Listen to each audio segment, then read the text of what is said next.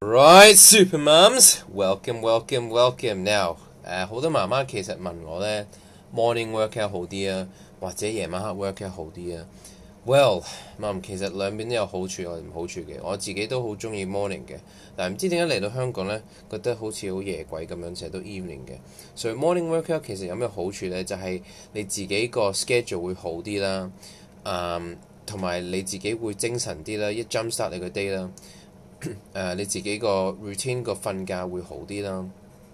咁誒，你亦都會 create 到呢個 routine 嘅。OK，夜晚黑有咩好處咧？咁當然啦，唔係個個媽媽都可以做到朝頭早噶嘛。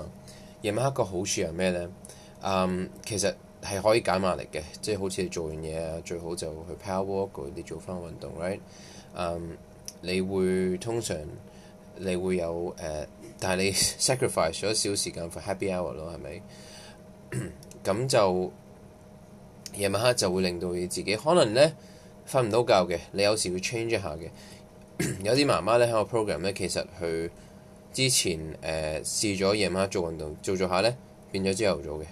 Why？Because 可能做做下咧夜晚黑瞓唔到覺。OK，呢個 tips 就俾大家知道。如果你做唔到朝頭早，就做夜晚黑；做唔到夜晚黑，做朝頭早，即係咁簡單。But 每樣嘢都有 pros and cons。如果係我咧，我就會揀朝頭早嘅。